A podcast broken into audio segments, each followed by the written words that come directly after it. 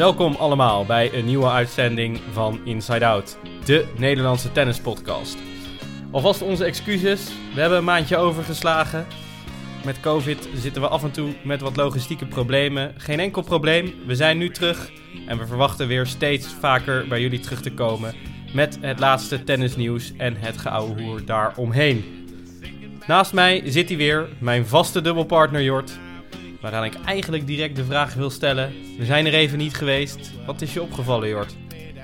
Ja, wat me is opgevallen is dat uh, ja, ook uh, heel veel spelers en speelsters veel afwezig zijn. Uh, waardoor het deelnemersveld ja, wat gemêleerd is. Dus je ziet spelers tussen plek 100 en 200 zomaar in één keer ver komen in ja, een ATP 500. Dus uh, ja, dat is wel leuk uh, om te zien. Dat het niet altijd de usual suspects zijn. Maar dat ook bijvoorbeeld Musetti afgelopen week halve finale heeft gehaald. En die is al eerder genoemd natuurlijk. Ja, ja die noemden wij in... we hebben het even teruggekeken in het journaal van oktober. Als een van de grote talenten die er, die er aan zitten komen. Italiaanse jonge speler. Nou, we doen toen toevallig uh, twee namen die allebei toen uh, nou ja, niet in de top 100 stonden in ieder geval. En die andere daarvan uh, zal nu wel bij iedereen bekend zijn. Karatsev. Ja, ik wil natuurlijk niet alle eer naar me toe trekken. Maar ik denk dat één ding duidelijk is. Voor het geoefende tennisoog kun je het beste naar Inside Out luisteren. Om het maar even zo te zeggen. Nee, ja, dat is natuurlijk niet helemaal waar. Maar uh, kan een toevalstreffer zijn. Maar dit is er eentje die wij natuurlijk uh, ja, meiden, van mijlenver aan hebben zien komen. Als Lanka Radsev. Stond uh, ja, net 200, denk ik, vorig jaar. En we hebben die resultaten natuurlijk heel snel gezien. En ook de manier waarop hij dat doet. Echt power tennis. En die jongen die is ver gekomen. Ja, ja dat kun je wel zeggen. Heeft natuurlijk van de week uh, zijn eerste toernooi gewonnen. En de Australian Open uh, heeft hij ook wel wat aardigs laten zien. Ja, dat was gewoon halve finale. En dat betekent uh, miljoen prijzengeld, 720 ATP-puntjes in de tas. Dat gaat wel serieus aantikken. Wat staat hij nu? hij staat nu, we nemen het zondag op, staat hij 42. Maar daar is zijn overwinning van, van de week nog niet bij geteld. Dus die gaat gewoon dik de top 40 binnen. En ik, uh, ik weet wat de tennissers, uh, tenniskenners dan zeggen. Dan moet je naar uh, www.live-tennis.eu. Zal ik dat eens even doen? Dan kun je waarschijnlijk kun je direct ehm, mm, mm, weten wat het dan gaat worden. Hoeft natuurlijk allemaal niet live. Iedereen, waarschijnlijk alle luisteraars die zijn vaste klanten bij live-tennis.eu. Ander goed nieuws. Roger is weer op de baan gesignaleerd. En jij hebt een paar potten zitten kijken, Jort. Wat is, jouw, uh, wat is jouw observatie als het gaat over de fitheid van Roger? En zijn uh, de kans op terugkeer in de top 10? Om het maar even zo te zeggen. Ja, hij had uh, één wedstrijdje gewonnen, één verloren. Die eerste was vrij moeizaam, zoals op teletext stond. won ternauwernood van Dan Evans, wat gewoon een top 30 speler is. En ja, ik denk dat we dit uh, eigenlijk gewoon wel heel uniek kunnen noemen. Dat hij er meteen staat. En Dan Evans is, ja, is gewoon ook in vorm. Is, eh, is in, een, in een stijgende lijn uh, sinds een aantal uh, jaar. Sinds een, sinds een schorsing. Voor ja. cocaïne was dat, was dat, geloof ik. Dus dat is gewoon een hele knappe overwinning. En hij liet bij Vlagen ook, vooral met zijn backhand, vond ik weer subliem tennis zien. Dus dat was echt, echt een genot om naar te kijken. Ik heb me daarover verbaasd, Jort. Dat uh, schrijvend Nederland, om het zomaar te zeggen, daar dan weer zo de mist in gaat. Want ik, ik deel jouw mening. Dan Evans heeft nog nooit zo goed gespeeld. Hè? Is nu uh, een jaar of dertig. En daarmee gewoon eigenlijk uh, fysiek ook gewoon redelijk op zijn top. Staat top 25. Het is de eerste wedstrijd voor Roger in een hele lange tijd. Die wint die nota bene. En vervolgens lees je dat het allemaal maar zo moeizaam is. Ja, en uh, misschien schop ik nu je, draaiboek een beetje door de war. Maar kijk maar eens naar Kiki Bertens, die een halfjaartje eruit is. En eigenlijk er helemaal niks van bakt in de eerste twee wedstrijden. Ja, ik vind het jammer dat je mijn draaiboek nu uh, helemaal overhoop haalt. ik want weet, uh, ik uh, weet niet meer waar we het nu straks over gaan hebben. Maar prima, van de hak op de tak vandaag. Um, kijk, ik deel die mening.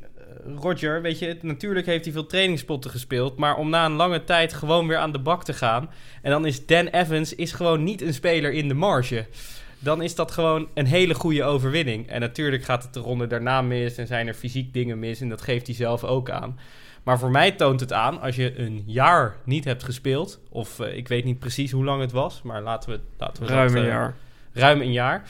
En in je allereerste optreden uh, win je gewoon, ja, niet makkelijk, maar je wint gewoon van een speler als Dan Evans, top 25. Dan zit er gewoon nog steeds heel veel in het vat.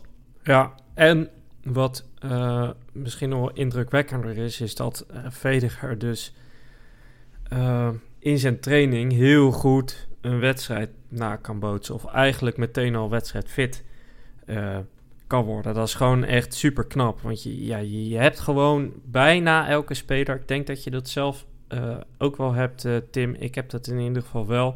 Dat, je, dat een training altijd anders is. En Federer kan dus blijkbaar gewoon zonder echte wedstrijd meteen al, nou ja, top 20 niveau laten zien. En dat is super knap.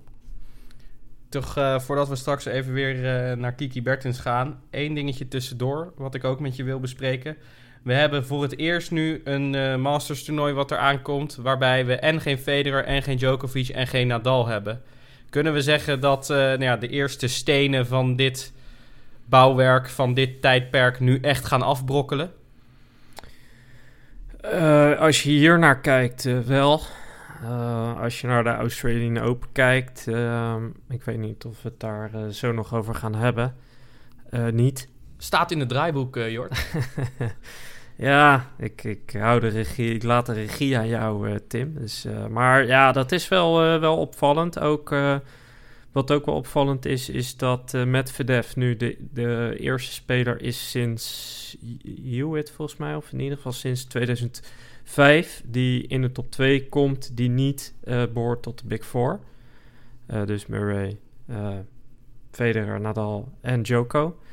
Uh, dus ja, dat zegt wel iets. Uh, het begint langzaam te komen, maar uh, ja, ze blijven nog steeds de bovenliggende partij als je kijkt naar, naar de slams. En daar draait het ze om. Ik denk dat, dat, dat Joko, Nadal en, en Federer die duizend toernooitjes echt niet meer interesseert. Dus ja, het, het begin van de afbrokkeling, maar zover zijn we nog niet. Ik kan me ook zo voorstellen dat bijvoorbeeld een Nadal, ook gewoon omdat hij zoveel voor de sport betekent, louter nog twee, drie maanden per jaar het gravelseizoen meepakt. Uh, tegelijkertijd zijn het ook zulke liefhebbers. Ik vraag me af of ze dat kunnen. Ja, en vergeet ook niet uh, met, met al dat gedoe, uh, testen in bubbels, uh, et cetera. en Monte Carlo, wat geloof ik twee, drie weken na Miami is, snap ik het ook wel. Waarom zou je ja, al die moeite nemen als er vervolgens een hoop graveltoernooien ja, voor de deur staan? En ik denk dat, dat Djokovic dat eigenlijk ook dat het voor hem het meest interessante is. Want uh, hij heeft Roland Garros ook maar één keer gewonnen. Net als Nadal uh, één keer Australian Open heeft gewonnen. En, en Federer ook één keer Roland Garros. Dus ik denk dat, dat Djokovic het liefst toch Roland Garros nog een keertje zou winnen. We gaan het zien. Terug naar het draaiboekje dan toch maar. Laatste keer dat we het daarover gaan hebben. een andere korte observatie. Felicitaties aan uh, Leslie Patinama Kerkhoven. Die staat weer top 100 in de dubbel. Dat is toch goed nieuws. Ja, noem het maar goed nieuws, Tim. hoe oud is Leslie Kerkhoven? Rond is de van, 30? ja, rond de 30. Absoluut. Ja, als we het als, als Nederlands tennis hier al van moeten hebben, dan, dan zijn het toch een beetje de kruimels het neemt niet weg dat het voor haar natuurlijk super is en, en heel fijn, zodat uh, ze waarschijnlijk ook aan, aan de Grand Slams kan meedoen en er nog net even wat uithalen. Dus voor haar is het super knap. Maar dat wij het hier over moeten hebben, is, uh, ja, vind ik toch eigenlijk een beetje treurig. Ja, goed, het is al niet de allergezelligste tijd nu, weet je. En ik denk, ik gooi er gewoon even een lichtpuntje in. Maar als jij dat vakkundig op deze manier onderuit haalt, prima. Ik vond het in ieder geval het noemen waard. Uh, noem het een hoogtepunt, noem het een dieptepunt. Benoit Per heeft weer eens van zich laten horen. Ik weet niet of je dat hebt gehoord toevallig. Ik heb wat meegekregen, maar Vertel. Nou, die heeft zich weer flink, flink misdragen. En wat dan heel bijzonder is, is dat hij daarna op Instagram een plaatje post met het getal 8,5 miljoen erop. Met de tekst eronder: Zie je wel, het loont om een eikel te zijn. Ja, het siert hem niet. Nee, nee, dat, dat klopt. Uh, maar ja, van dat soort uh, figuren daar de teert uh, ja, media, social media toch ook op. Weet je, met uh, een wedstrijd van, van Kyrgios of, uh, of Per is vaak net, ja, uh, net wel even wat, wat interessanter dan, dan andere wedstrijden. Want er kan altijd wat gebeuren. Dus mijn vriend is het niet, Per, maar ja, het zorgt af en toe voor, voor wat vermaak. Nou, laten wij dan in deze super nette, correcte podcast niet verder praten over Benoit Per. Dan voel jij je ook weer een stukje prettiger. relatienieuws. ja, mijn hart is gebroken Um, Gael Monfils, Jelina, Svitolina zijn uit elkaar. Die gaan allebei hun eigen weg. Maar misschien geeft het ook weer een impuls aan de beide carrières. Want beide kunnen wel een, uh, een kleine impuls gebruiken. Ja, Monfils vooral. Uh, we hadden het net over, over wedstrijdritme. Volgens mij is Monfils exact het tegenovergestelde als, als Federer. Die heeft gewoon baat bij veel wedstrijden. Uh, vlak voor de coronaperiode uh, was hij ook echt wel goed. Uh, de ABN natuurlijk uh, voor de tweede keer op rij uh, gewonnen vorig jaar. maar nu lijkt daar niet zo heel veel meer van over. Ehm, dus ja, laat het hopen. Ook dat is een kleurrijke speler die ja, goed, is, goed is voor tennis. En ja, hij, ik, ik denk zo'n speler heeft er ook niet echt baat bij gehad dat, we, uh, dat in zijn carrière de Big Four uh, bestond. Want anders had ik hem ook wel een, een Grand Slam gegeven hoor. Nee, dat gaat veel te ver. Maar daar gaan we niet dieper op in. Houd toch op. relatienieuws.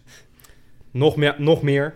Eugenie Bouchard heeft en weer eens een keer een finale gehaald... en weer eens een keer een vriend. Wat vind jij belangrijker? Uh, dat ze de finale heeft gehaald. Ik vind dat toch wel. Het was ook ergens in de. In de in, in Azië ergens of in Rusland, wat was het? Zit Mexico. Mexico? Oké. Okay, nou. Lekker dicht bij huis voor haar. Nou, het, het is in ieder geval, uh, denk ik wel, uh, goed voor haar. Want zij kan waarschijnlijk met die, uh, met die miljoenen Insta-volgers prima met uh, bikinifotootjes uh, aan het strand liggen en daar uh, genoeg geld mee verdienen. Maar dat ze nu toch een finale heeft gehaald, zegt dat ze in de coronaperiode toch wel heeft getraind.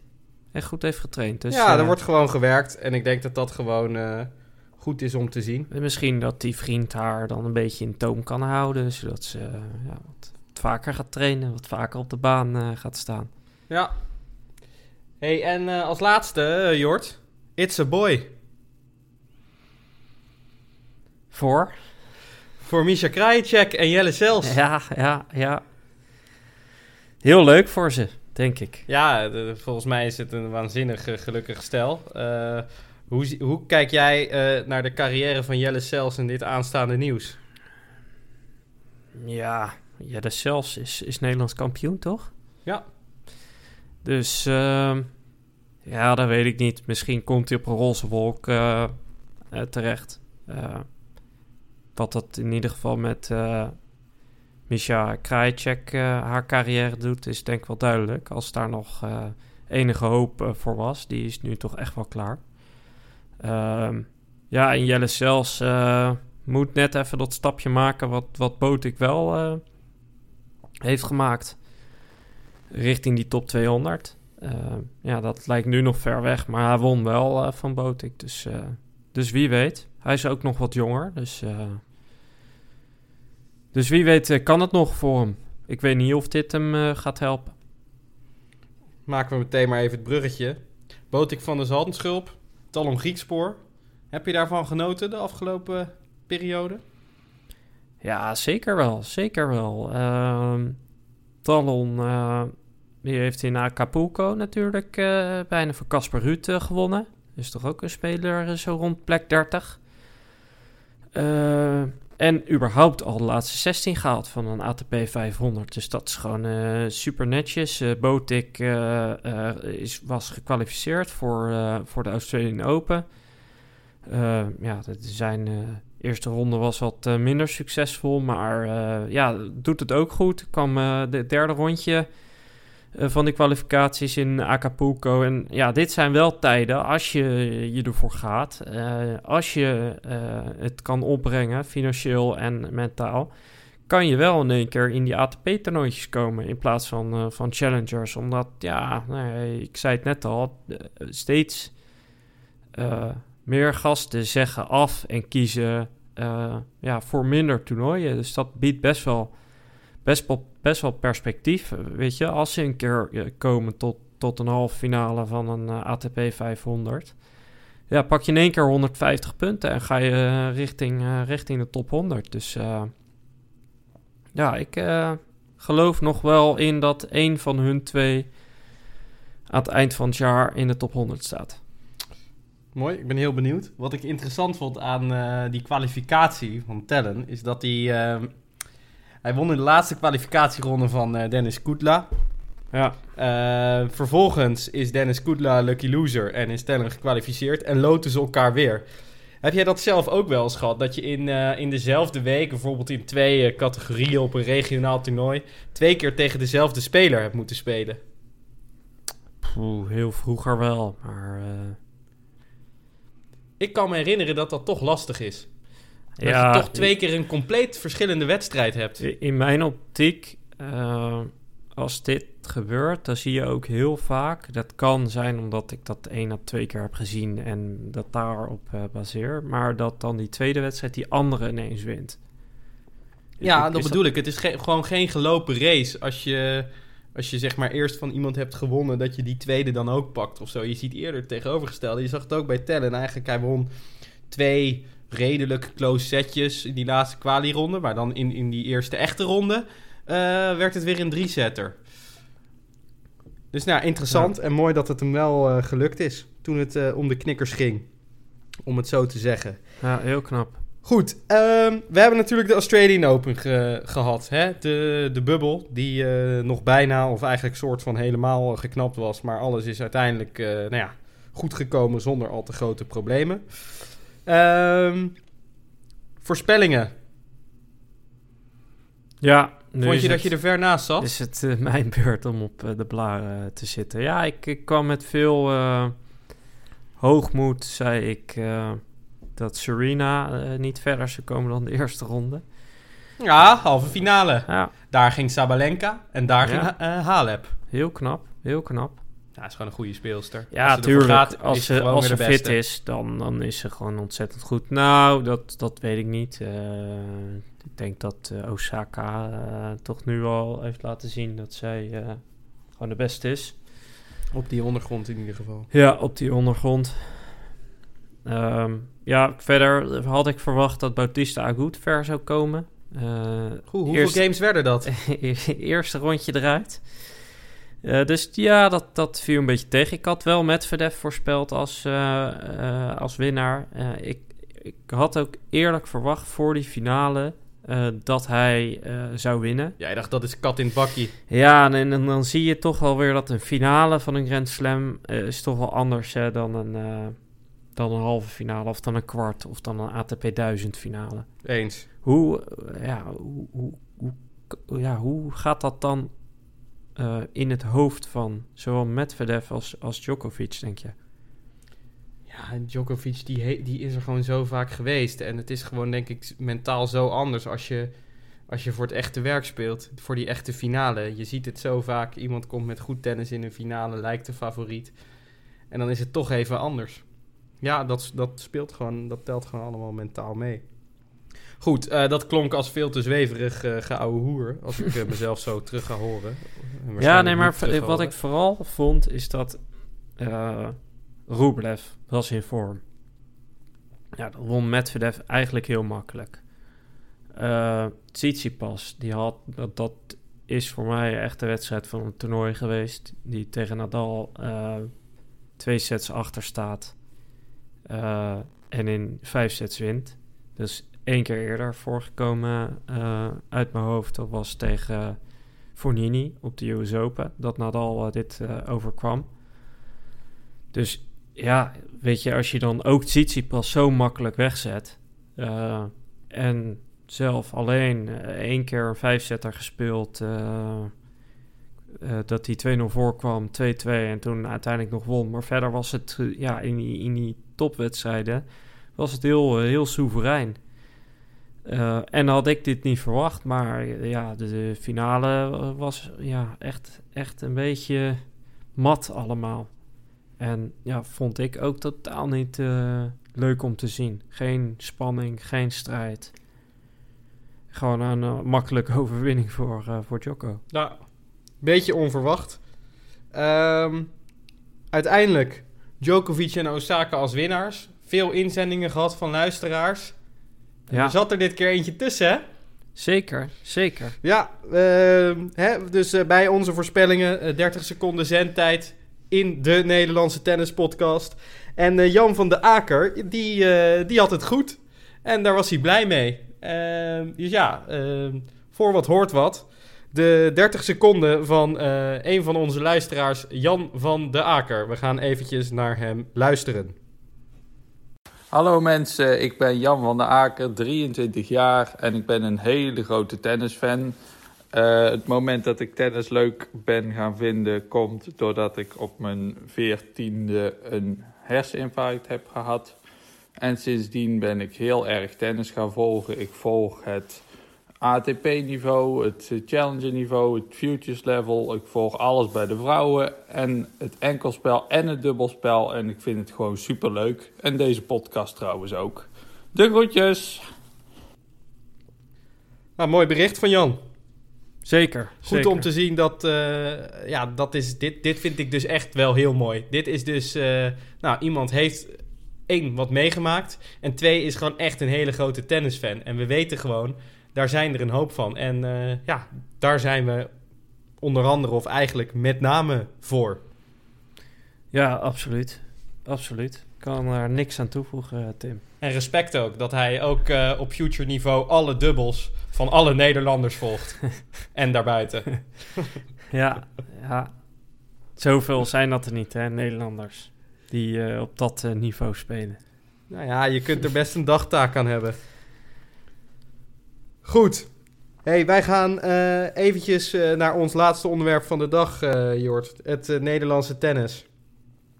Daar hebben we Tallen en Botik natuurlijk al een beetje behandeld. Ja. Ehm, ja, we hadden het ABN-toernooi. Ik moet heel eerlijk zeggen, ik vond dat dit jaar een beetje een aanfluiting.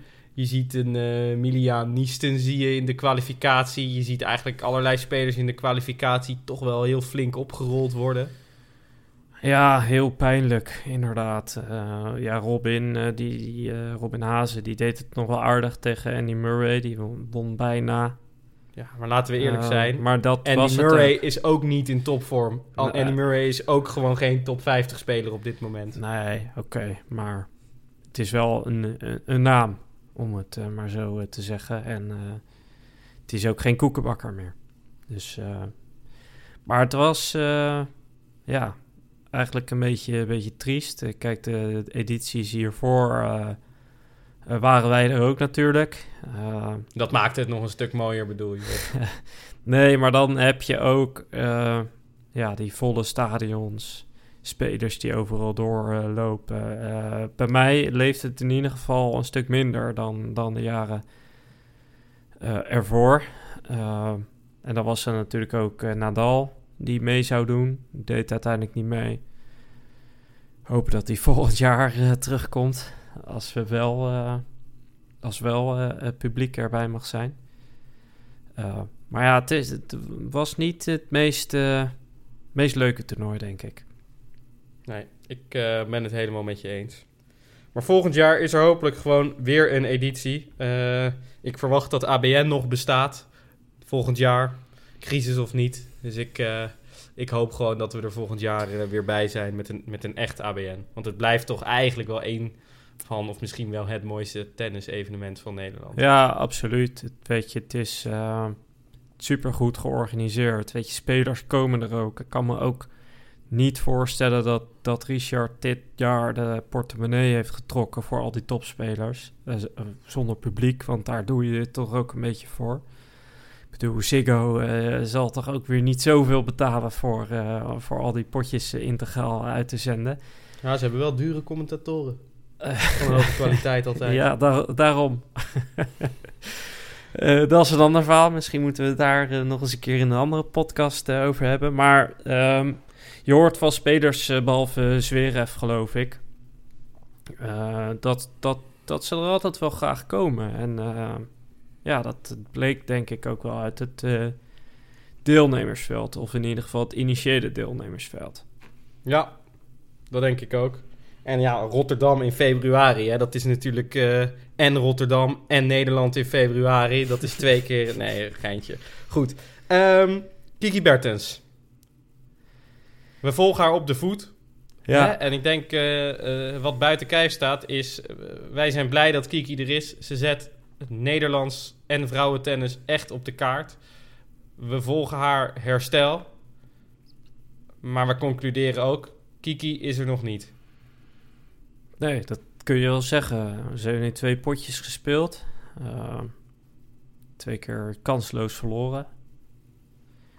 Ja. Uh, Tegen Ostapenko was helemaal... Ostapenko 6-0, 6-2. Je zou uh, zeggen, met, uh, met toch al dwingende slagen, de dwingende services van Kiki, zou je in ieder geval op eigen service toch nog in de buurt moeten kunnen blijven. Maar ja, het, het lijkt, die carrière lijkt toch een klein beetje zijn nachtkaars uit te gaan. Ik vind dat niet? heel voorbarig, maar ik hoor ook wel wat je zegt. Ja, kijk, het, de, uh, ja, de top of het vrouwentennis, hetzelfde geldt voor het mannentennis, is gewoon heel breed. Dus het verschil tussen de nummer 125 en een nummer 20 is gewoon niet zo groot. Je hebt een aantal, uh, aantal toppers die iedereen uh, van de baan uh, slaan. Zoals een Sabalenka, zoals een Serena Williams als ze fit is, Osaka.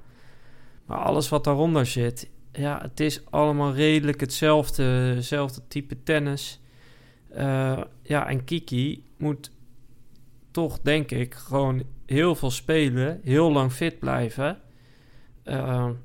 maar ja, en dan geef ik er nog wel een kans, maar ja, zoals ze nu op de baan stond, zie ik misschien dat ze nog wel op, aardig Grand Slam niveau kan komen. Maar top 10 zie ik er niet meer halen.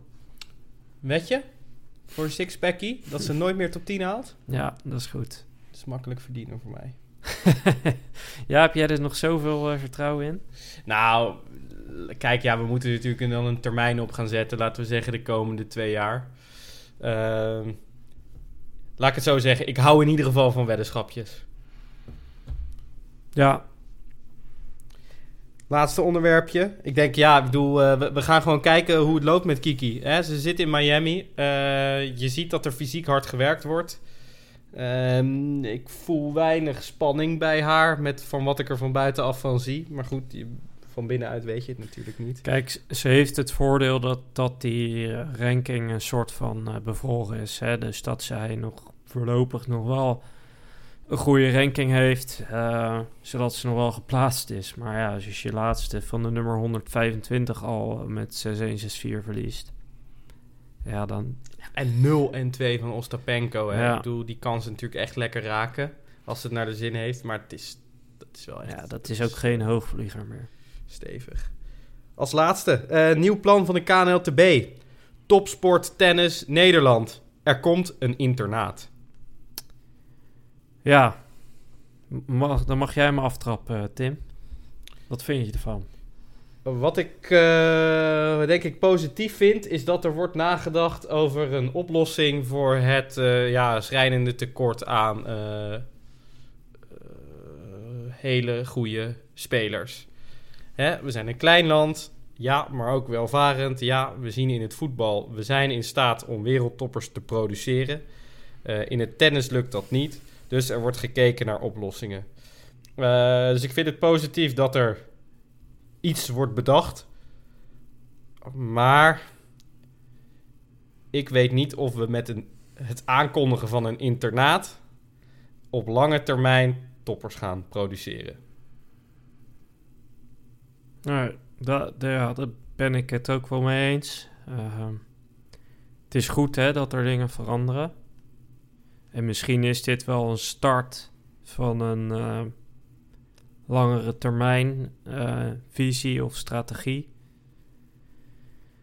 Uh, want ik denk dat dat nodig is. Ik denk dat, het, dat er een bepaalde filosofie strategie, visie, hoe je het ook wil, wil noemen, moet zijn binnen de KNLTB.